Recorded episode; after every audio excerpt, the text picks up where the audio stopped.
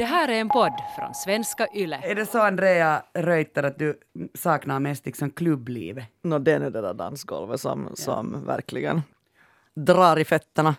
Jag läste alltså i, i Dagens Nyheter så Björn af Kleen skrev en krönika uh, som heter En stad utan krogar är ingen stad. Och den handlar liksom sådär om att just att alla stora krogar i, i Stockholm förstås, överallt i hela världen har, är väl de flesta under restriktion, olika restriktioner, men att man har stängt ner, men att det är liksom en krogens plats i kulturen och så vidare. Mm. Och jag ska faktiskt på teater. Är det sant? Ja.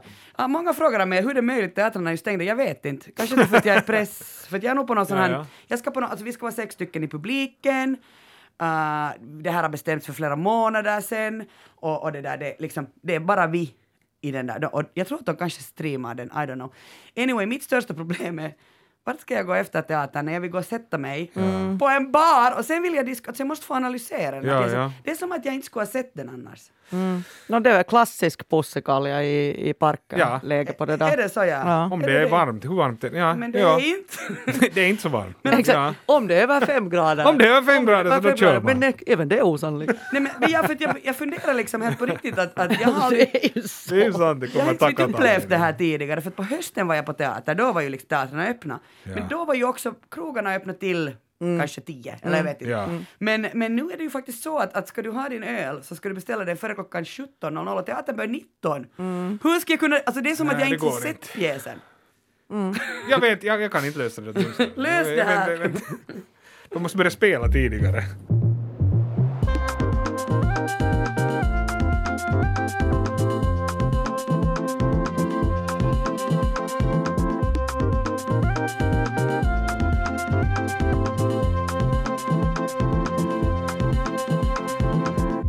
Välkommen till Sällskapet, en kulturpodd med samhällsperspektiv. Jag heter Kia Svetin och med mig har jag Andrea Reuter och Elmer Bäck. Välkomna! Tack. Tack, tack.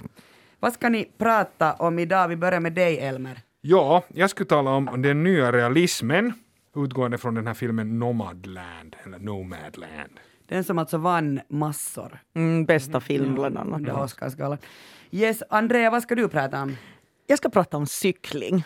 Och då menar jag alltså inte sporten utan det ljuvliga att cykla till vardags. Jag ska prata om föräldrakärlekens mörkersidor, eller det här. Det är mors dag och jag har funderat en hel del på moderskapet. Vi är ju alla någons, någons barn. Vi har alla en mamma. Men jag tar tag i det här nu utgående från litteraturen, för det har kommit alltså jättemycket böcker den senaste tiden som har behandlat knepiga, vårt knepiga förhållande till mamma. Och jag har läst Berätta aldrig det här, Shaggy Bain och Behi och de behandlar alla mamma-barn-förhållanden på något sätt. Så jag skulle vilja tala om alltså Nomadland.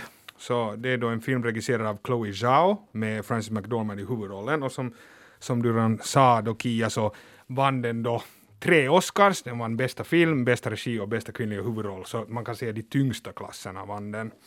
Och den finns nu att se på då Disney+. Plus. Eh, vad den handlar om är alltså, den handlar då om, om, om fattiga amerikaner och, och liksom närmare bestämt bostadslösa. Så de bor då i, liksom i husbilar och husvagnar och så här. Och det är det den här filmen handlar om. Och det som är speciellt intressant med den här filmen är att, att långa sjok av den så känns det som om man skulle se på en dokumentär. Alltså det känns jättedokumentärt. Liksom också så att folk sitter och talar om om egna upplevelser så här, de för inte handlingen så mycket vidare och så här. Och så, så kollar jag efteråt att, att, att det är sant att hon har använt då, regissören har då anlitat riktiga nomader som liksom spelar varianter av sig själva. Och sen är då den här Francis McDormands karaktär då fiktiv och så blandas de ihop. Och det här känns när man ser på den här filmen som ett ganska nytt stilgrepp. Alltså det är någonting, det är någonting i den känslan i filmen som man inte har sett tidigare, just för att det känns som att man ser på en dokumentär, men det är då fiktivt. Då började jag fundera på den No, då när det senast begav sig och jag tänkte på den här italienska neorealismen då som var en mm, italiensk filmströmning från ungefär mellan 1943 och 1950 så att ungefär i slutet och, och, och efter då andra världskriget.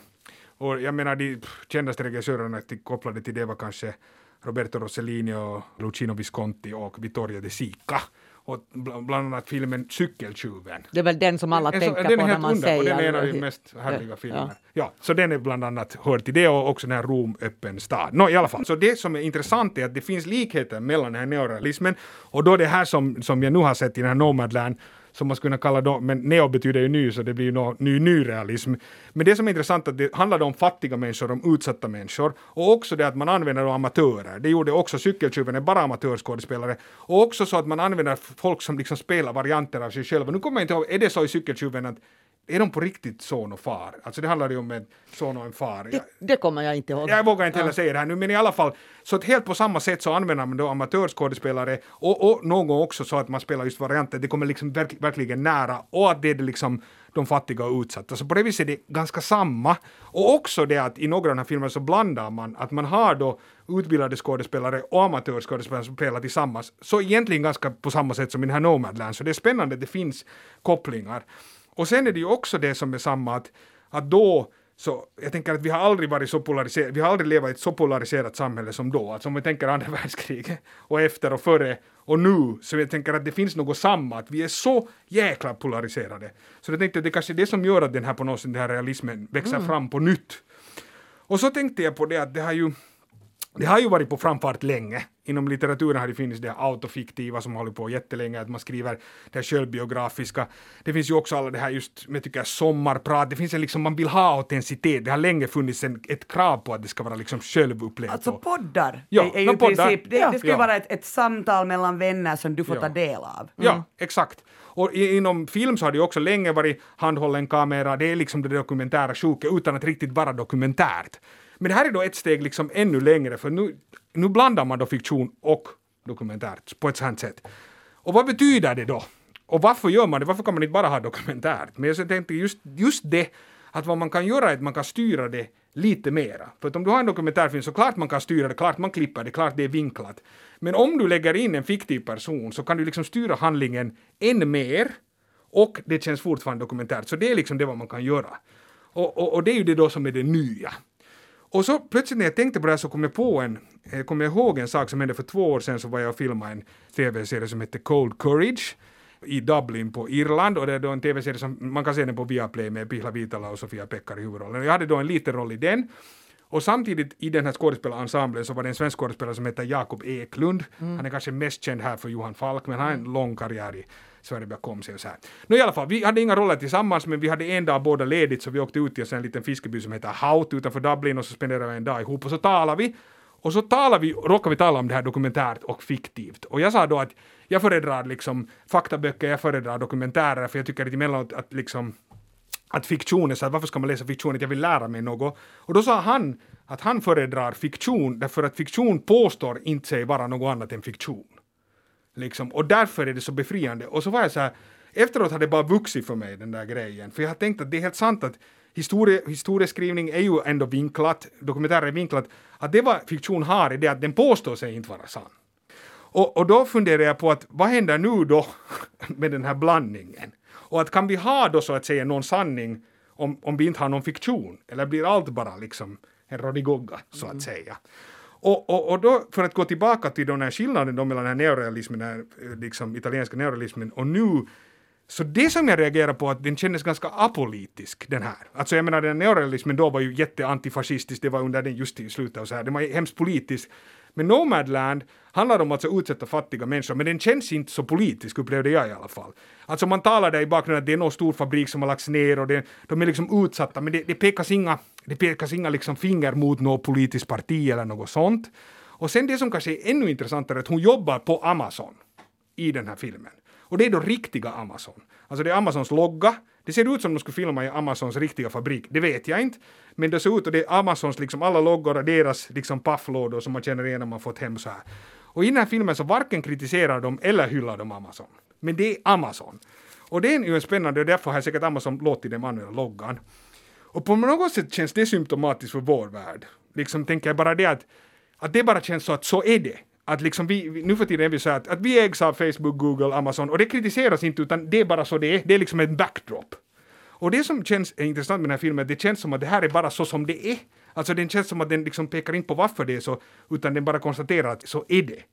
Och då blir jag rädd eller vad jag börjar tänka själv är att eftersom den är apolitisk, men det är en stil som nu börjar slå igenom och eftersom de har så många Oscars så är det ju något som lyfts fram, så tror jag att den här sättet att göra kommer att plockas upp av då politiska instanser. Och då tänker jag först på USA, så tänker jag då att på båda delarna, alltså både republikaner och demokrater, kommer att plocka upp det här. Jag tror att man först kommer att se det för, på, på något sätt demokratisk sida bara för att demokraterna har så mycket mera kontakt med, med filmvärlden. Och jag har liksom tänkt igenom nu ett sånt synopsis på vad jag tror att vi kommer att få se. Otroligt snart. bra. Sen så, Okej. Jag hoppas att det här blir verkligen. Ska du ha I told you so. Okej, jag ska säga tolv sedan. Men det här är nu, men det här är alltså helt fiktivt som jag har tänkt då vad vi kommer att se snart på en liksom streamingtjänst nära oss. Och då tänker jag så här, okej, det handlar om Alice, hon är 23 år gammal och hon har fått då en sån här hon har fått jobb som, som praktikant inom Biden-administrationen. Och den här serien skulle kunna heta ungefär så här My Life with Joe. Okej? Hon har fått då liksom jobb på den här, inom Biden-administrationen och liksom den här serien är inte alls, den är helt icke-politisk. Alltså det handlar om hur hon går där omkring på jobbet, det handlar om hennes förhållanden och den är liksom välskriven och så här, man följer med Alice liv. Men vad där finns är att man börjar, det börjar dyka upp sådana här ansikten som man lite känner igen. Liksom, och då kan det vara någon vet ni, lågt ner i administrationen som man kanske vet du, Biden har hållit något tal, där finns någon i bakgrunden. Så börjar man se att okej, jag känner igen det där ansiktet. Så de börjar liksom lite, lite trycka in den här historien så här. Men annars är det helt, helt normalt och du följer med det som en vanlig serie. Nå, i sista avsnittet, första säsongens sista avsnitt då, så är det så att hon jobbar då i Washington, men hon jobbar då inte på, på Vita huset. Men då är det så här, det finns så här dokument som måste föras till Vita huset och det är skyndsamt. Och det är en person som borde göra det, hon är sjuk, så att nu blir det Alice. Alice måste föra den här, så hon springer med dokumenten då genom Washington och det spelar så här musa. Hon spelar, hon kommer in då dit till Vita huset vet ni. Hon kommer in, hon springer in där och så ska hon dit mot den här säkerhetsdesken då, så hon går mot den. Och när hon går liksom halvspringande så kommer det då ett följe med människor förbi henne och i det här följet så går det då en äldre man med vitt hår. Mm. Och så vänder hon sig om och säger oh my god, could it be, could it be? Så hon tittar bakåt och går framåt och då smäller hon in i någon. Okej, hon smäller in i någon, alla hennes dokument flyger på golvet så här. Och de börjar plocka ihop de här dokumenten och tillsammans. Och när hon plockar upp dem så ger den här andra personen dokumenten över till henne och då tittar hon på henne och så fattar hon att det är Kamala Harris som spelas av Kamala Harris. Och då säger Kamala Harris åt henne sådär, I haven't seen you before. Hon är såhär, well, uh, I'm working as an intern so I'm not really working here. Och så säger hon ungefär något sånt, it's great to have good people like you working for us. Och så är det då sista scenen, Alice sitter hemma i sin våning och hon har ju klart en sån här stor kudde som alltid har amerikanska filmer. Så sitter på sängen och så säger hon så här Oh my God. Och så trycker hon den kudden mot huvudet och så, så lägger hon sig ner på sängen och så är det liksom slut på säsong ett. Och vad jag tänker mig är att säsong två och tre, så hon går då upp i rang, hon kommer närmare och närmare så här politi politikens mitt. Och då kommer det mer och mer personer, då riktiga personer. Men just den här kombon att andra spelas av skådisar. Så du kan ha republikaner spelas av skådisar. Och då menar jag bara att den här mixen tror jag vi kommer börja mer och mer se. Och klart det här kommer att göras på båda sidorna. Jag tror bara att demokraterna gör det för republikanerna kommer att göra det på sitt sätt som inte kommer att vara liksom det här kommer att vara så nära det vad vi redan ser nu. Och det tänker jag bara att om vi blir vana med ett sånt här sätt så kommer det inte att kännas så konstigt. Och vi kommer så att säga glida in i en sån här sätt att, att, att, att se på saker. Därför tror jag att det är spännande att om man börjar ha då fiktion dokumentärt kopplat utan att det finns en politisk dimension så tror jag att ganska snart så kommer vi att vara i det här. Gud vad spännande. Jag vill ju bara nu sen säga att kom ihåg var ni hörde det här först. ni som köper upp den här idén nu av Elmer. Alltså vilket, och, och det måste säga, liksom, alltså det här du talar om blandning av fiktion och, och dokumentärt, alltså det har ju funnits hur länge som helst, man kallar det hybrid, men Ja. då brukar det vara dokumentärer som har typ så reenactment eller liksom Exakt. fiktiva inslag, men det här handlar ju om att det är fiktionen som driver och så finns Ja. det element då. Liksom. Men jag tänker just det där att när man blir van, för ännu tror jag att vi skulle liksom reagera att om något riktigt skulle komma in, men jag menar när man blir mer och mer van vid det här att man blandar, så då tror jag att vi kommer att vara helt öppna för det. Alltså det här bör- kommer inte att kännas snart konstigt. Liksom. Ja. Vilken spaning, jag, jag, Ja. jag köper den. Jag köper den. Jano Estojaki, äh, Mexikos Oscarsbidrag som, som både du och jag har pratat om, äh, Elmer, så den, äh, när jag läste på om den så blev jag så glad för att då stod det ju att, att uh, mång, jätte, det var jättemycket amatörskådespelare med. Alltså de här, Ja. de här gäng, gänget, de, de var ju inte kriminella, alltså men det där gänget som, som, som dansade till uh, nersaktad kumbia, whatever, den finns att se på Netflix eller att lyssna i, i sällskapet när vi pratar om den. Så blev jag så glad för jag tänkte så här, ah, det är äkta. Ah, därför var den så bra. Hur ser du som skådespelare på liksom, en sån här kommentar? Jag kan ju tänka mig att den är lite störande kanske. Nej, alltså jag förstår absolut. Jag tror att det beror hemskt mycket på regissör också. Jag vet att Roy Andersson vill jobba med, med han vill bara jobba med amatörer. Och Peter Grönlund också, Tju- Tjuvheder till exempel var det Ja. bara några skådisar, resten var från den där Ja, och, alltså, ja, och det kan jag förstå. Jag, jag har inte egentligen något problem med det. Alltså det som jag ju har ett problem med just om man säger så här att, att folk som är amatörer är mera trovärdiga folk som inte är amatörer. För det tycker jag ändå då säger man att hela skådisyrket att skådespelare Ja, så att säga inte kan skådespela. Och, och det tycker jag är problematiskt. Jag tycker också att du, måste, nu kan en skådespelare, nu kan man ha en diskussion, någon gång kan det också vara lättare med amatörer för du behöver så att säga inte förklara, du kan bara säga de, vad de ska göra så att säga. Utan att ha den här hela diskussionen. Någon gång jag tänker att det är också regissörer som är rädda för skådespelare för de vill inte ha en diskussion. De vill Och bara vad är din motivation? Ja, och så. och, ja, och liksom ha den. Men eh, alltså jag har inte en stark åsikt om att man inte ska göra det eller ska göra det. Jag tänker att när det funkar bra så funkar det bra och när det inte, och jag tycker också att man kan blanda. Inte har jag egentligen något problem. Jag tror också att det skulle vara problematiskt om man som skådespelare skulle vara jätterädd för det, för det betyder ju då att man skulle vara rädd för att, att amatörer är så mycket bättre än vad man kan göra själv, att man på något sätt skulle se det som en fara. Men eh, inte vet jag heller om jag upplever sådär ja, det är, och sen det är ju olika bättre. Jag menar, sådär, en sak är ju att rappare brukar vara ganska bra och rockartister brukar vara ganska dåliga. Det är ju också intressant. Liksom Är- är det så? Nu tycker ni, alltså jag menar John Bon Jovi och Mick Jagger liksom. Snacka inte liksom- skit om John Bon Jovi. Men sen har du ju alla de här Ice Cube och Eminem Alltså, och där är bra. går min No, men John gräns. Bon Jovi, har ni sett Där den? går min gräns. Hyllar nu 50 cents över fucking John Bon Jovi? Over my dead body. Oj, oj, oj, oj, oj, oj, John Bon Jovi. Alltså, Okej, han kan okej. inte göra något fel. Oj, John. En sån kärlek för Bon Jovi. Ja. Men alltså det är jätteintressant. Men när du Andreas sa att, att ja, det här kallas hybridmodell, att det har funnits länge. För jag tänker samma autofiktion som du nämnde Elmer i, i litteraturen eh, har ju varit väldigt mycket på tapeten. Alltså att, att man, man blir ju funderad, vad var det som fick en, ma- eh, någon att börja med det? Alltså när har, har, har den här hybridmodellen eh, startat? Oj, gud, det kan jag inte svara på eh, exakt. Jag kan bara säga att det under de senaste decennierna och senaste decenniet har varit mer och mer. I alla fall, jag känner inte till mest Norden, hur det ser ut. Ehm, och, och att det, det är liksom svårare att placera exakt in filmen. Men just att det är mera det att, att det liksom ändå på något sätt klassificeras som dokumentär medan No Man Land uppenbarligen har klassificerats som en fiktionsfilm. Att Det är det som är skillnaden. För jag menar, jag reagerar på, på Amazon i filmen och jag reagerar... Alltså, när det, det är intressant när du säger liksom att det var faktiskt så att det, det var bara där. Man var inte för det, man var inte emot det. Det var bara där, där jobbade Frances McDormand och många andra med henne. Jag tyckte det var jätteintressant för jag blev så här bara åh, allt skit jag har hört om Amazon, att de typ måste gå med blöjor, de får inte gå på vässan. Så jag började ju fantisera medan jag tittade. Mm. Jag tänker att det är politiskt ändå för att de, de som är liksom den här tidens uh, underklass, man ska säga, är ju gig-ekonomin. Alltså voltförare och människor som jobbar på... Okej, Amazon kanske de är ibland anställda också, men det är liksom verkligen helt sjukt stressigt och monotont och hemskt jobb. Och man har inte särskilt mycket rättigheter som nej. arbetstagare. Så att jag tänker att det finns något jättesmart i att hon har placerat henne och jobba där och att det i sig ändå är en politisk Ja, men, grej. det, men samtidigt för de som vet det, ja, så håller jag med. Men det att Amazon ger sin logga betyder att de i alla fall läser det så, och jag menar de har nog gått igenom det där ordentligt. De Ja. läser det så att det är mera för än nackdel. För annars, varför, de skulle ju bra kunna säga att ni får inte använda det. Ja, ja, ja. De menar bara, och den enda repliken hon säger så här, yeah, the pay is good. ja Det är den enda kommentaren, så jag menar, jo, und, men det där börjar just bli sådär att, att, liksom att om, om det politiska liksom ligger, då tycker jag att det skulle vara bättre att ha sagt Arason och sen kritisera det då, om man vill Mm. kritisera istället för att ha den Amazon-loggan, för jag upplever ändå att det här är mera reklam.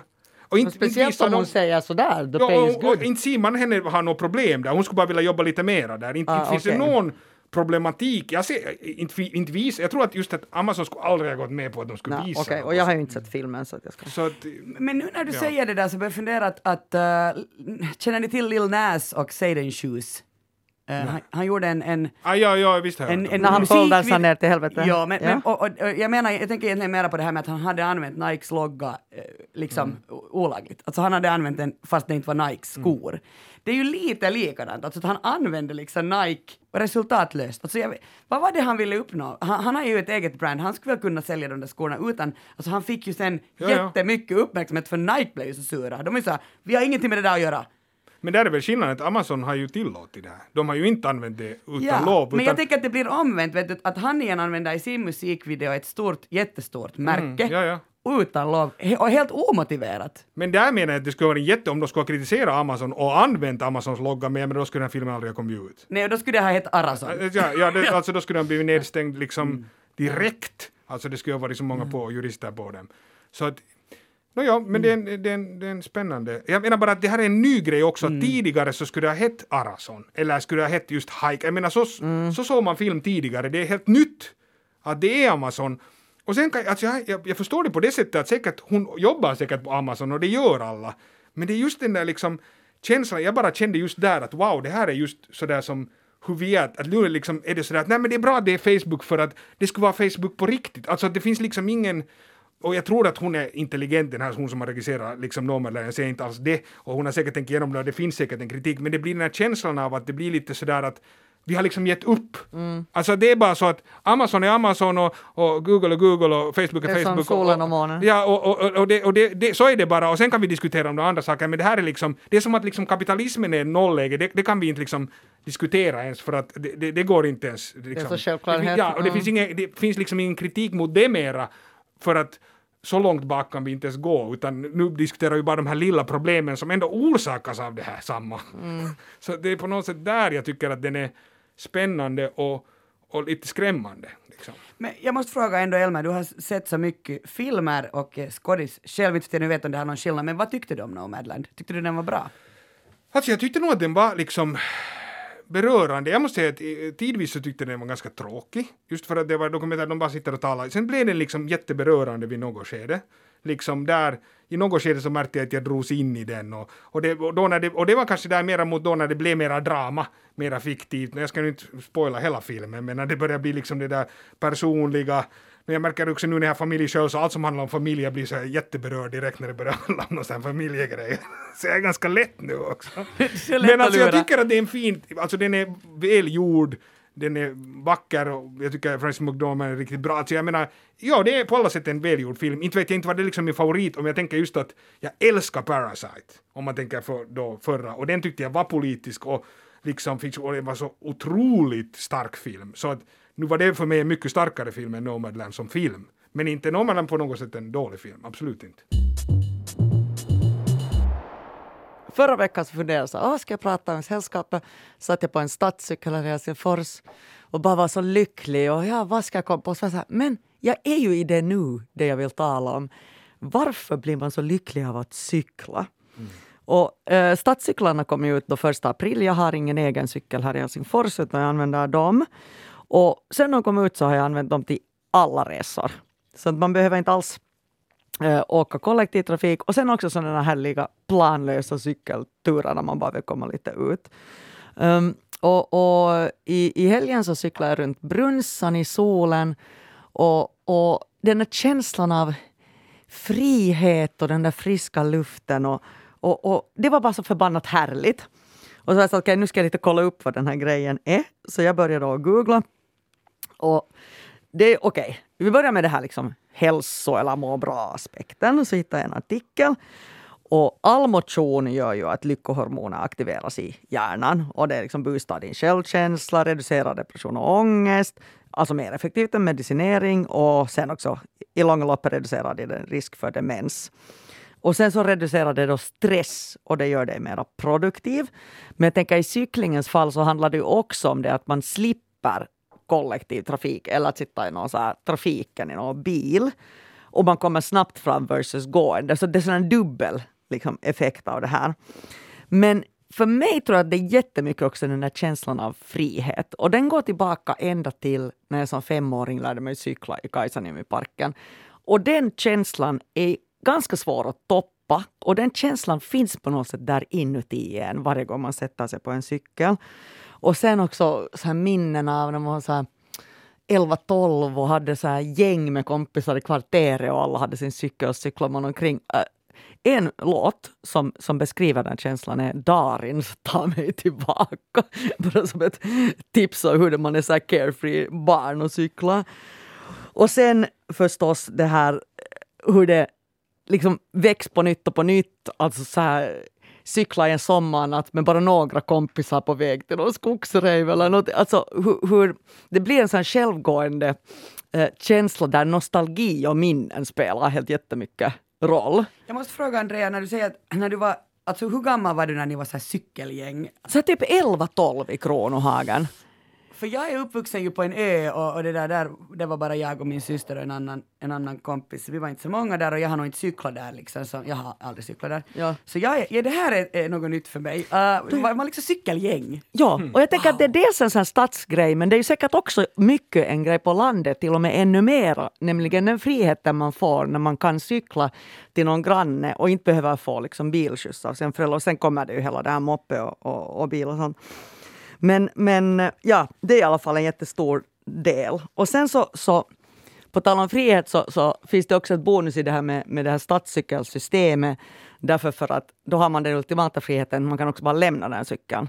Att om, om det börjar regna eller eh, man inte orkar liksom cykla hem eller sådär, så då, då, då har man inte ansvar, man behöver inte vara orolig för att den blir stulen och allt sånt här. Och sen så när jag började lite googla på cykelns liksom historia, det finns olika konstiga former av cyklar, men när det egentligen slog igenom, och då var det ju de här jätteroliga cyklarna med så stora framhjul. Det var i mitten av, av 1800-talet och den modellen som egentligen inte har utvecklats efter det som finns liksom nu. Den kom från slutet av 1800-talet. Och då var det ju plötsligt möjligt för kvinnor att ta sig runt på ett helt annat sätt. Och även att få motion, för det var ganska länge sport ansågs olämpligt för kvinnor. Så det, cykeln spelar en jättestor uh, betydelse liksom i kvinnors frigörelse.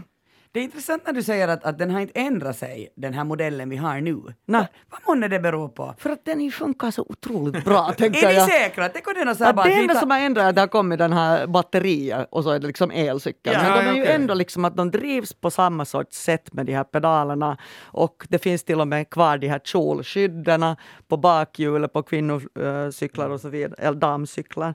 Men i, när jag tittar på det här med den här historien så hittade jag en jätterolig detalj som jag inte kände till, nämligen att en stor del av soldaterna i första världskriget var cykelinfanteri. Och det var så bra, för man behövde inte något bränsle. Det var liksom gratis att förflytta soldaterna, plus att soldaterna fick hålla sig i form genom att de cyklade. Och, och jag hittade till och med en bild på två cyklar som tänker att liksom Eh, framme, där, där cykelkorgen typ skulle vara, är liksom baksidan av en bår fastsatt och så är framsidan fastsatt då på pakethållaren till en cykel. Så det blir som en slags jättelång cykelgrej med en bår mellan. Så, så transporterar de också skadade och döda. Det hade jag liksom aldrig hört, hört om. Och sen den sista grejen som jag eh, började googla som en dåre var det här kring liksom vilka städer som är de bästa cykelstäderna. För jag tycker ju då att Helsingfors är helt otroligt bra. Um, och det byggs också mycket uh, cykelvägar hela tiden. Man liksom anpassar trafiken till, till cyklande. I centrum är det lite jobbigt för att det finns så mycket kullerstenar. Men, men jag tycker att det går i princip väldigt smidigt att liksom cykla överallt. Och så började jag kolla upp. Och ingenstans lyfts Helsingfors som en av de bästa cykelstäderna. Jag hittade någon så lista på 15 bästa cykelstäderna och någon undersökning och, och så vidare. Och då är det ju alltid förstås Köpenhamn och olika städer i, i, i Holland. Alltså Utrecht var sådär den bästa cykelstaden i någon sån survey som gjordes eh, 2019. Och då hade de någon så jämfört 90 olika städer eh, baserat på 16 olika några indicators i olika kategorier som har så här väder, hur mycket det, man använder cyklar, hur säkert det är och så crime, jag antar att det handlar om att, hur mycket de stjäls, infrastruktur och sen också eh, vad det finns för så bike sharing system, alltså stadscyklar och, och hur, hur mycket cykelrelaterade evenemang som ordnas i de här städerna. Det var det alltså då Utrecht som vann. Men i den här listan som jag hittade på de här 15 bästa så fanns till exempel Rio de Janeiro på plats sju. Och då stod det så där, ja, Rio började liksom kom på den här cykeltrenden, eller eh, kom med i den 1992 när de började bygga sina första cykelbanor. Och nu är det så här thriving och det finns ett nytt stadscykelsystem som har 60 stationer och 600 cyklar i staden. Okej, okay. i Rio bor det tio gånger så många invånare som Helsingfors. Men Helsingfors har sju gånger så mycket cyklar i reella tal i stadscykelsystemet. Vilket betyder att Rio har en cykel per ungefär 11 000 invånare medan Hesa har en cykel per 132 invånare. Mm. Och ändå är inte Helsingfors med på den där listan, vilket gjorde mig väldigt sur. Jag hör det, Andrea. Ja. Och nu finns det alltså 3250 cyklar på 242 stationer. Men nu i maj och juni kommer det att byggas 105 nya stationer och läggas till 1500 nya cyklar. Så det är ju helt otroligt det här stadscykelsystemet i Helsingfors. Och det tycker jag den här staden borde få lite mera cred för. Jag, jag använder det alltid som en insäljande orsak varför jag tycker det är så bra att bo i den här stan. Mm. För jag, jag vill komma in där på Utrecht. ja. Jag har cyklat i Utrecht och jag, jag, vill också säga, jag tycker inte att det är så bra därför att problemet är att alla cyklar där och, och alltså det är så stenhård, liksom det, det är så mycket trafik, cykeltrafik. Ja, och så mycket cyklar, ja, och du måste cykla rätt. Det är liksom direkt om du lite vinglar om du kommer från så är det så här, hej, hej! Liksom att det är en sån, det är en sån hård grej mm. för att det är verkligen för att det är liksom cykelstaden. Så ja. jag föredrar också Finland. Berlin däremot tycker jag är ännu bättre för det är så platt. Och det som är så bra också i Berlin är att, att eftersom det finns de där olika kollektivsystemen i gamla öst och väst, så ibland kan det vara så jättesvårt att ta sig från ett ställe till ett annat. Man ska hålla på och byta och det är några spårar och olika metron och, och tåg och så vidare. Mm. Men om man cyklar kan man bara dra direkt. Ja, bara, liksom. Jag cyklar bara då. Då cyklar jag just 45 minuter där från Neukölln upp till Pränslavaberg och det är helt underbart för att alltid, alltså det är så, och där är så fint. Så jag, där och där är så breda cykelvägar. Ja. Men jag älskar, älskar också stadscyklarna i Helsingfors. Jag, ja. jag, jag, använder dem hela tiden. Men, men är det inte så man vill ändå, alltså om man tänker en bra en bra cykelstad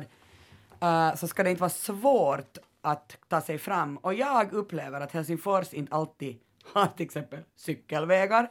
Eller att du kommer med en cykelväg och mitt i allt tar den slut. Mitt i allt är det bara trottoar mm. eller, eller liksom så byggs det ju om så mycket hela tiden. No, det byggs ju om. Men, men jag, alltså... jag tänker att det Helsingfors stor, det är inte så backigt. Liksom när jag jämför med, med Stockholm var det ganska mycket sådana jobbiga backar.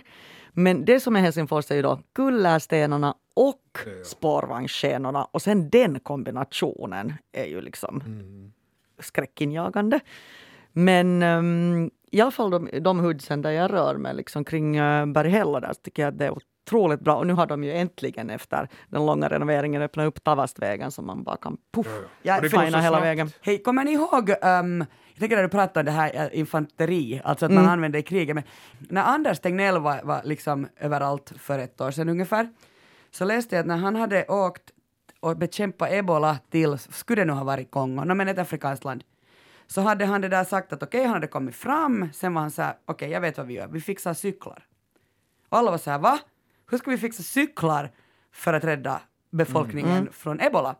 Och då så beställde han cyklar från, från Sverige dit och sen så satt han några unga, unga liksom som jobbar med honom på sjukhuset och cyklade till alla byar och varnade dem. Nu kommer ebolan. Mm. Och det gjorde mm. alltså att han liksom lyckades mm. på något sätt stävja mm. eh, ebola-spridningen. Ebolan är ju sån att, att alltså, jag menar, man är i närheten så dör man. Mm. Uh, och, det där, och det är ju ganska smart alltså, sätt att använda cykeln. Verkligen. Men, men för min fråga här är, vad är ert förhållande till elcykeln? där kom jag direkt in på, jag, jag var i Madrid. Och Madrid är ju jättebackigt.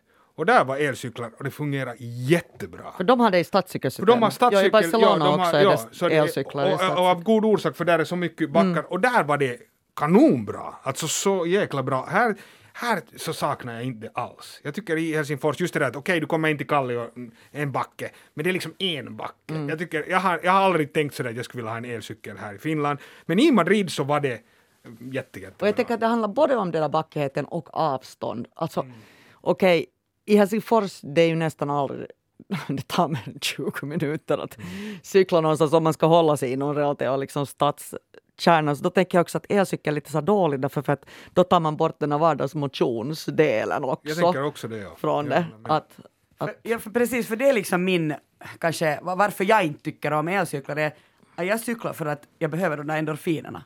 Mm. Jag har cyklat idag eh, till Yle, vi är alla här i, i det där Böle-studion idag.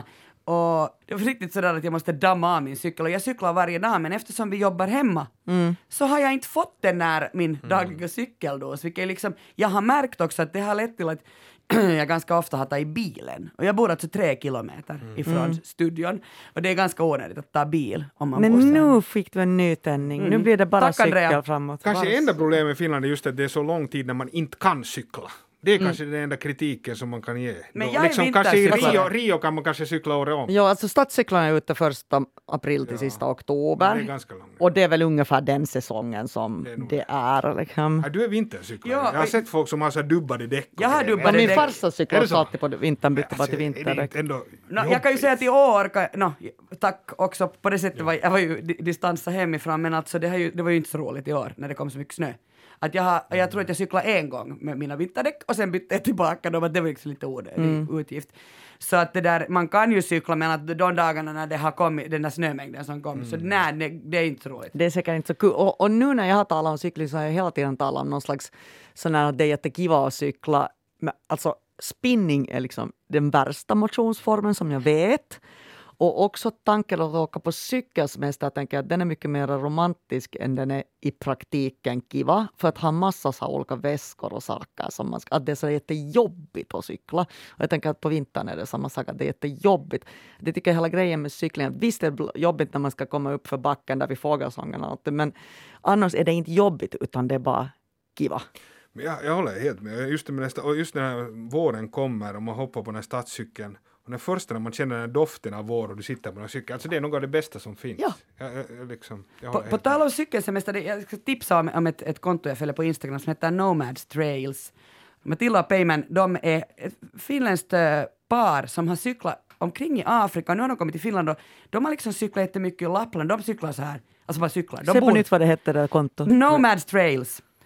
Men alltså nu, jag tittar bara om man nu redan går och kikar, alltså de, har cykla, de cyklar liksom hur långt som helst och de bara cyklar och cyklar och de gör, jag tror att de blir fundade sådär att de, de har en Youtube-kanal och, och så jag brukar följa med, då när jag, när jag klagar på att det är tre kilometer till jobbet så kan man titta. Hur de, Alltså det här är en trend nu det här nomad, det är ju roligt att det kommer andra gånger, nomad, nomad. Är det liksom, ska man bli nomad nu? Är det liksom det som är grejen? det är det som är grejen med. Tydligen. Jag vill säga en sista sak om, om cykling, nämligen om ni inte har sett den så måste jag verkligen rekommendera en animerad film som heter Trion från Belleville.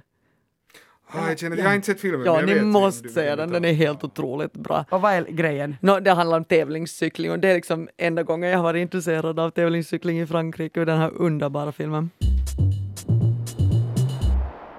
Många mammor firas på mors dag, men det är inte självklart att ens relation till mamma är en dans på rosor. Relationen till vår mamma är början av livet och det är också den mest självklara relationen vi har och det är den första vi har. Nå, eftersom mamma är så jätteviktig figur i vårt liv så är hon också en person som jättelätt kan såra oss. Hon har så stora uppgifter att man inte egentligen kan förvänta sig att hon måste klara av allting jättebra, så vi är alltid jättebesvikna på våra mammor. Uh, för att gå till botten med de här tankarna jag har så har jag då läst tre aktuella böcker som alla behandlar mamma-barn-förhållande på något sätt.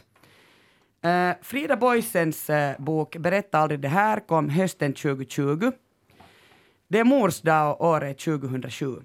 Frida Boisen vaknar av att hennes man och deras dotter Tilda sjunger Ja må hon leva uppvaktar med prinsesstårta på sängen. Familjen är bjuden på barnkalas hos några vänner och hon har tänkt så här, jag borde ringa till mamma men att jag gör det senare och, och så här och sen har hon jätteroligt och hon kollar inte sin telefon förrän på kvällen och då har hon ett missat samtal av sin mamma. Nå, Frida ringer henne upprepade gånger och hon svarar inte. Frida Boisens mamma tar livet av sig på mors dag och hon efterlämnar då ett avskedsbrev till sin enda dotter och där står det Frida, nu fick du som du ville. Hoppas ni blir nöjda nu, mamma. Och då ringer Frida Boisen förstås till larmnummer 112 och säger att jag tror att min mamma har tagit livet av sig och då säger de varför tror du det? Nå, för det var mors dag igår och jag ringde inte. Och det är så, så, jättegalet i den där meningen, men hon får dem då övertygade att gå in och, och så vidare. Och hon har faktiskt tagit livet av sig. Nå, förtvivlad ringer då Frida Boisen sin pappa Peter Boisen. Och det första han säger är Frida, berätta aldrig det här för någon. Och det lovar då Frida. Okej, men vi tar det från början. Känner ni till Frida Boisen? Det är ett bekant namn. Jag tycker också det låter Hon bekant. Hon är Mm, rikssvensk och och hon är mediaprofil i Sverige. Hon har varit programledare, chefredaktör för olika tidningar. Hon gjorde bland annat det här tv-programmet Trolljägarna med Robert Aschberg. Nåja, när Frida var liten var hennes mamma alltså världens bästa, sen så var, och hon var liksom mammans allt. Sen var mamma med om en jobbig skilsmässa från den här pappan Peter Boisen. Och då blev, som 11-åring, så blev alltså Frida mitt i allt mamman. Alltså hon måste trösta sin mamma. Hennes mamma mådde jättedåligt. Och, och Boisen liksom har varit, Peter Boisen, alltså pappan har varit navet som, som mamman Rositas liv har kretsat runt. Och, och efter att hon liksom sen skiljer sig från honom, han träffar en, en ny kvinna, så flyttar hon den här liksom, alltså dottern blir den nya mittpunkten. Och hon säger så här till sin dotter att den enda sanna kärleken är den mellan mor och barn. Och, och Frida säger efteråt att hon tänkte, det, det låter liksom som att mamman trodde att det kommer att vara de två för evigt. Och, och det betyder liksom att sen blir det bara så här nedåtgående för att Frida, hon blir äldre, hon får mer självständighet, det blir värre liksom för deras relation. Hon träffar en man som hon älskar och den där mannen älskar henne tillbaka. Det är också jättekrångligt för, för det där Fridas mamma att, att se det. Plus att de får ett barn, de är lyckliga. Och det här gör att, att då mamman blir superolycklig och svartsjuk och utmanar i en sån här jättelångsam och utdragen bitter kamp som slutar med att mamman tar livet av sig och skyller då på sin dotter. Men hon är ju liksom sjuk. Men det, huh, det är en, läsvärd och, sorglig bok. Så vi går snabbt vidare till nästa, nämligen Shuggy Bane. Skriven av Douglas Stewart. Och sen om ni har läst någon av de här bok, böckerna som jag nu pratar om så får ni gärna ropa. Och det här är då liksom sant, det här är inte, liksom, det här är inte fiktion. Alltså när hon skriver om sin mamma där, det här är då liksom... Autofiktion, eller det är inte ens Ja. autofiktion, det är väl dokumentärt berättande, Okej. hon berättar om Mhm. sitt eget liv. Ja, ja, och det är så- okej, mhm. Shaggy Bane igen, den är skriven av Douglas Stewart. Eh, den är fiktiv, men Mm. romankaraktären påminner väldigt mycket om författaren. Eh, den är utgiven 2020, men den kom nu på svenska i mars. Eh, den eh, handlar om ett sånt sårigt och, enormt eh, kärleksbehov mellan en sån här liten pojke och hans missbrukande mamma. Och det intressanta med den här boken är att den refuserades 44 gånger. Wow. Och det där, jag såg Douglas Stewart var intervjuad i Babel, vet ni det här litteraturprogrammet, Ja. på söndagen. Och, och det där, de här amerikanska redaktörerna så de hade liksom, eller hans, hans redaktör hade inte velat säga mer sen efter att de hade refuserat den 20 gånger så slutade han slutade hon att, att berätta till Douglas att du blir refuserad. För Douglas var bara sådär, det här är min bok, jag tänker inte ändra något. Nå, eh, det som de sa var att ingen är intresserad av en, en skotsk familj på 1980-talet, liksom med missbruk och fattigdom. Att det som Thatcher gjorde, det bryr vi oss alltså, inte om. Vi tittar på The Crown just nu. Alltså det är ganska intressant att den har kommit just liksom i de här tiderna och, och, och man har refuserat den. Och sen när den äntligen kom igenom, han ändrar alltså inte ett ord i romanen. År 2020 vann Douglas Stewart eh, nå, kanske engelskspråkiga världens främsta litteraturpris, nämligen Bookerpriset för den här romanen. Nåja, vad den handlar om är att Shuggy Bain är yngsta sonen till Agnes Bain och hon blir då lämnad av sin man. De bor i liksom slagghögarna i utkanten av skotska Glasgow och det här är 80-tal, hon har tre barn. Arbetslösheten är skyhög, missbruket spårar ur. Och det är sådär att den, han beskriver en sån här underbar mamma som är ljuvlig, vacker, oemotståndlig, bäst. Men hela tiden som tiden går framåt så sjunker ju mamman ner i sitt missbruk och, och det där Shaggy Bain eh, försöker liksom, hon blir som ett svart hål och han cirklar kring det där svarta hålet, och försöker dra ur henne ur det. Och det är riktigt, Shaggy Bain är en så här riktigt tjaskig roman, att man känner sig ganska shitty när man har läst den. Jag vet inte om ni förstår min, min filis. Och men, men Glasgow som säger ju alltså jätteintressant, det störtdyker den här staden under 1980-talet. Det var gruvdrift, skeppsbyggande, stålindustri och ekonomi som kollapsar i Margaret Thatchers Storbritannien. Och där fanns en arbetarklass som tidigare liksom hade ett sammanhang och en gemenskap, men det som återstår är då arbetslöshet, droger, alkoholmissbruk och så vidare. Och det är liksom här vi rör oss. Och m- mamma Agnes öde är ju det att hon dricker. Och Shaggy Bain är otroligt villkorslös i sin kärlek. Alltså, Han tar hand om henne, hon är liksom en drama queen på dekis. Och det är liksom jättehjärtkärande att se hur han kämpar. Bland annat finns det ett, ett stycke i boken där han jätteofta hittar henne då redlös och så klär han av henne och sätter ner henne i sängen och så ordnar han alltid tre temuggar åt, hon, åt henne. Han är inte så gammal här. Den riktiga liksom Douglas var 16 när hans mamma dog i missbruk, men att det där, han är just sån här tonåring. Nå, ett glas, eller en temugg med kranvatten för att kurera halsen, en med mjölk för att lugna den sura magen och den sista temuggen så har han alltid liksom hittat slattar av avslagen special brew och stout som han liksom samlar ihop och så vispar han ihop mm. det så, och så vet han att det är alltid den muggen mamma tar först. Mm. Han lämnar aldrig sin mamma, trots att alla liksom i hans närvaro också säger att du måste skapa en egen tillvaro, det här blir inte något. Nå, den där riktiga Donald Stewart, alltså författaren till boken, så han förlorade då sin missbrukande mamma när han var 16 och han skaffade sig en utbildning som kläddesigner och mitt i allt så började han att designa plagg då för Calvin Klein, Ralph Lauren, uh, Banana Republic. Han bor i New York idag. Och uh, man jämför honom med den franska författaren Edouard Louis, som faktiskt i dagarna har kommit med en, en ny bok som också heter, mm. som handlar om hans mamma. Just det. Uh, men jag läste en, en, intervju med Douglas Stewart i Dagens Nyheter och där får han frågan om han skulle kunna skriva den här romanen om hans mamma fortfarande var i livet. Och då så svarar han, jag kanske inte hade behövt skriva den. Och det säger ju liksom någonting om att den är skriven ur ett tillstånd av kärlek och sorg. Nåja, men nu tar vi den sista boken och, och, den har jag faktiskt med mig här i studion. Det är Behi, skriven av Koko Hubara. Det är hennes uh, romandebut. Hon har skrivit Ruskeat tytöt, men det här är hennes första roman. Den kom nu i april och den kommer i svensk översättning av Malin Kivela nästa vecka. Känner ni till Koko Hubara? Absolut. Ja aktivist och Ruskat tytöt började väl som en blogg och liksom en av eh, förgrundspersonerna i Finland som har lyft eh, att man behöver kanske lite ifrågasätta hela normen i det finska samhället. Exakt. Behi är en eh, bok som handlar om att vara mamma men liksom i tre generationer och här finns ingen enkel eller nära relation överhuvudtaget. Behi är gravid och förhållandet till hennes egen mamma är jätteinstabilt. Hon tror att mamman skulle ha levt mycket lyckligare utan henne. Och hennes största hopp är då att mamma, Shoshana, skulle ångra hennes födelse.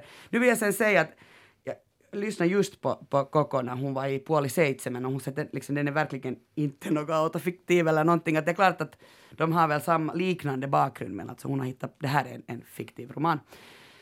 Uh, Shoshana, alltså Bechis mamma, hon tycker att hennes dotter är det viktigaste i världen för henne. Hon skulle vilja liksom då älska och hjälpa Bechi. Så Shoshana själv, uh, hon kallar alltså inte sin mamma för mamma för hon har igen blivit hon, hon flyttade från Israel så snart den möjligheten kom och det är då som hon hamnar i Finland. Romanen är fiktion, men den har likheter som jag sa med Hubaras eget liv. Behi är av härkomst jemenitisk jude och det är också Koko Hubara. Under andra världskriget hade Jemen ett ganska stort samhälle med tiotusentals judar, men många av dem har då förstås flyttat till Israel över tiden, men det bor fortfarande ett dussintal judar i Jemen. Det som jag blev att fundera på alltså när jag läste den här boken, det var de här tre frågorna som jag faktiskt inte har något svar på, så om ni har, skjut. Uh, finns det en enklare lösning än att skylla på sina egna föräldrar för alla misstag man själv gör? Kommer man ofrånkomligen att förstöra för sitt barn? Och varför minns man så olika saker? Jag tänker att min mamma minns alltid helt andra saker än vad jag minns från min mm. barndom. Mm. Och det här mamma-barn-förhållande är ju ett klassiskt tema överlag i litteraturen, men i de här böckerna som jag har läst så upplever jag det som ett sånt slitande och rivande åt två håll. Man, man längtar efter det, man kan inte vara utan det, men samtidigt så strävar man ju efter en befrielseprocess för att uppnå den ultimata friheten på en cykel med, med Andrea. Mm. Uh, för att liksom, i Berätta aldrig det här så skriver Frida Boisen om en tystnadskultur som dödade. Uh, det var ju hennes pappa som sa att hon inte fick prata om det. Och han avkräver henne ett tysthetslöfte och säger att du måste tänka på dina egna barn och de mår bäst av att inte veta. Och det kommer sen fram att Fridas mamma en gång ventilerar sina självmordstankar och då säger Frida till henne, lova att aldrig säga så där igen att hon lever ju, hon tystar sin mamma istället för att försöka lyssna på henne. Mm. I Shaggy Bane så skriver Douglas Stewart fram en så ren kärlek att man nästan börjar rysa. Shaggys mamma kämpar men hon orkar inte liksom hela vägen till slutet. Och ännu idag så säger då uh, Douglas Stewart att mamman är hans största kärlek i livet. Att det var det som gjorde att han skrev boken, att hans missbruk är i princip den här mamman. Mm. Och i Bechi så skriver Koko Hubara fram lösningen som så att av två dåliga alternativ så väljer liksom romankaraktären mammans vrede framom mammans kärlek för att, som hon själv säger, det är så mycket enklare. Så hellre det levande, rytande än den mördande snällheten, för den senare var lögn, det var döden. Nå, som ofta i romaner som tittar på förhållandet mellan mor och avkomma, så har de sår som uppenbarar sig i det här förhållandet oftast uppstått för flera generationer sedan. Så början på försoning ligger i en stor dos kärlek och barmhärtighet och i förståelsen att mammor är dömda att misslyckas. Ja, jag tänkte med, med just de där frågorna du ställde, så jag upplever nog också att det är så att först tänker man väl att när man är liten så tror man väl att, att föräldrarna är helt perfekta, de vet allt och de är helt... Och sen kommer väl den där besvikelsen någonstans, men så tycker jag också att man får ju mer förståelse med åren igen. Exakt, det är som att det går en cirkel. Ja, det går liksom en cirkel. Så jag tycker nu att jag har, liksom nu känner jag snarare att jag har stor förståelse, alltså, och just medkänsla, så att man har liksom, snarare så nu när man själv också har blivit förälder, man börjar liksom förstå de där grejerna. Så, att, så inte tror jag, eller jag tänker i alla fall att, att hoppeligen, alltså det beror på vad föräldrarna har gjort, men jag menar så jag upplever inte att man beskyller föräldrarna liksom livet ut åtminstone över ens egna problem. Eller jag personligen Mm. åtminstone. Men det beror ju på vad som har har svårt hänt. att uttala mig. Jag hade en jätteunderbar mamma och som förstås också gjorde, eh, begick misstag men, men um, sen när hon, hon gick bort, som är nu 14 år sedan, så var hon sjuk eh, länge. Hon var sjuk i ett och ett halvt år, vilket gjorde att vi hade också tid att tala igenom alla de grejerna. Eh, de få, få grejerna där jag kände att hon hade gjort liksom fel. Så det där med komplicerade morförhållanden kan jag liksom inte riktigt från någon personlig vinkel alltså uttala mig om. Men däremot det där med att alla föräldrar gör fel, alltså det är väl självklart att det är helt omöjligt att inte göra fel. Men om det ändå i grunden finns en, en kärlek och en trygghet så är det väl nu inte så farligt. Herregud, barnen går nu inte sönder så enkelt. Nej, det tänker jag också. Det tänker jag just att de frågar att man förstör sina egna barn. Jo, på ett sätt absolut. Jag tror att alla förstör sina egna barn på något sätt. Men jag menar, det finns också så många nivåer på hur du förstör. Och så tänker jag just som du säger att också om det finns där i bakgrunden som väl, är det inte en Astrid Lindgren som sa, jag tycker ändå det är det bästa, liksom att de behöver kärlek, kärlek och mera kärlek. Jag tror att om Ja, du och ger då det, kommer folk, folkvette på köpet. ja, om du ger det så kan du liksom att hur fel du än går så är det liksom inte fatalt. Det tror jag inte. Och det är helt skönt nu, jag har inte ens tänkt på det så att det går som en cirkel. Ja. Att man fattar ju nog sen i något skede att okej, att, att nu uppskattar jag det här. Jag tänker att det måste finnas också en, en utveckling eh, i... Nå, nu är det absolut inte så i alla länder, men det finns ändå en utveckling mot att um, kvinnors självbestämmande rätt blir starkare hela tiden. Man har tillgång till preventivmedel och det finns också nu, nu tittar jag ur ett ganska nordiskt perspektiv, men det finns väldigt mycket eh, samhällsinsatser som gör att det är liksom lättare att vara förälder. Så man kan dels välja att inte vara det och också få, få hjälp med det. Och det ju, måste ju leda till att det är färre som till exempel ångrar att de har skaffat barn och sen projicerar den ilskan på den där stackars individen som är det där barnet. Och så tror jag också att det var mycket Finland klart, kriget, de här traumorna som, som Mm. nu Och det var ju en som finns. tysthetskultur, definitivt. Alltså det fanns ändå så stora sår som säkert har påverkat just generationen före oss då jätte, jättekraftigt, tänker jag. Liksom. Och man hade väl någon slags uppfattning också kring att man ska inte klämma bort barnet till exempel, man ska inte hålla på och krama dem så jättemycket och så vidare. Det där har ju liksom säkert också Mm. gått mot ett bättre. Men Vilket också, ja, jag tänkte på är också konstigt för man vill ju krama sina barn. ja, ja, Jag det, tycker också det är konstigt att man liksom ska tycka, alltså, det, det liksom det har jag tänkt på någon gång. För jag tänkte på det här samma, just att det fanns ju en, och speciellt då mellan fader och, och liksom, så finns det ju där, liksom, det, har jag hört, inte vet jag, men just det där att man inte kramar och inte, jag känner att det är så onaturligt. Alltså helt enkelt. Alltså jag förstår inte heller varför man skulle vilja ha det så. No. Det så jag tänker liksom att, att just den här Shaggy Bain speciellt, alltså han har ju skrivit så jätteotroligt bra därför att han har han har alltså upplevt ju det här själv Mm. och, och, och Douglas Stewart då, som har skrivit boken. Hur länge får man sen å andra sidan skylla på att jag hade nu så trasig barndom? Vet ni också den, att, att jag har haft jättebra barndom, så jag kan gå omkring och säga det så här till alla Men du kan, vet du, ryck upp det, du kan ju inte alltid skylla på din barn om du är vet du, 40. Jag tror också att det kanske inte handlar ens om att skylla på det, men jag tror att problemen finns ju där i barndomen, så att om du inte till exempel går i terapi eller om du inte jobbar med det så tror jag att det påverkar dig. Även fast du liksom inte skulle skylla på det så kommer det därifrån. Så nu tror jag att man måste möta så att säga sina Jo, och man tänker hur, grejer. hur liksom. stor del av ens människas lycka som ändå baserar sig på självkänsla och eh, tillit. Och om man inte har det från barndomen så kan det ju kanske vara en ganska lång väg att liksom komma till en sån punkt. Ja, om det, om det skulle gå så hemskt, alltså det är ju det värsta som man kan tänka sig, men att man inte har varit älskad som barn, nu tror jag Ja. det är alltså förödande. Alltså. Om du verkligen inte upplever det, om det verkligen har varit så. Alltså det tror jag nog är det, för att hur ska du kunna liksom någonsin tro att du duger till någonting? Alltså det, den förstår jag att den, den känslan är så djup och som ett avgrund. Och klart man kan jobba igenom det också, jag tror att man kan jobba igenom vad som helst, men vissa saker kräver ju sjukt mycket mera jobb. Exakt. Andra saker, liksom. Det här blir intressant alltså. Nomadland, ny fiktion som Elmer står för. Vi har cykla och, eh, och vi har pratat om mammor. Eh, tack Andrea och Elmer för sällskapet. Tack, Tack. tack. Vi får gärna dialog med våra lyssnare. Skriv till oss på salskapet.yle.fi. Alla referenser hittar du i avsnittsbeskrivningen på arenan. Vi hörs. Hej då! Hej då! Hej.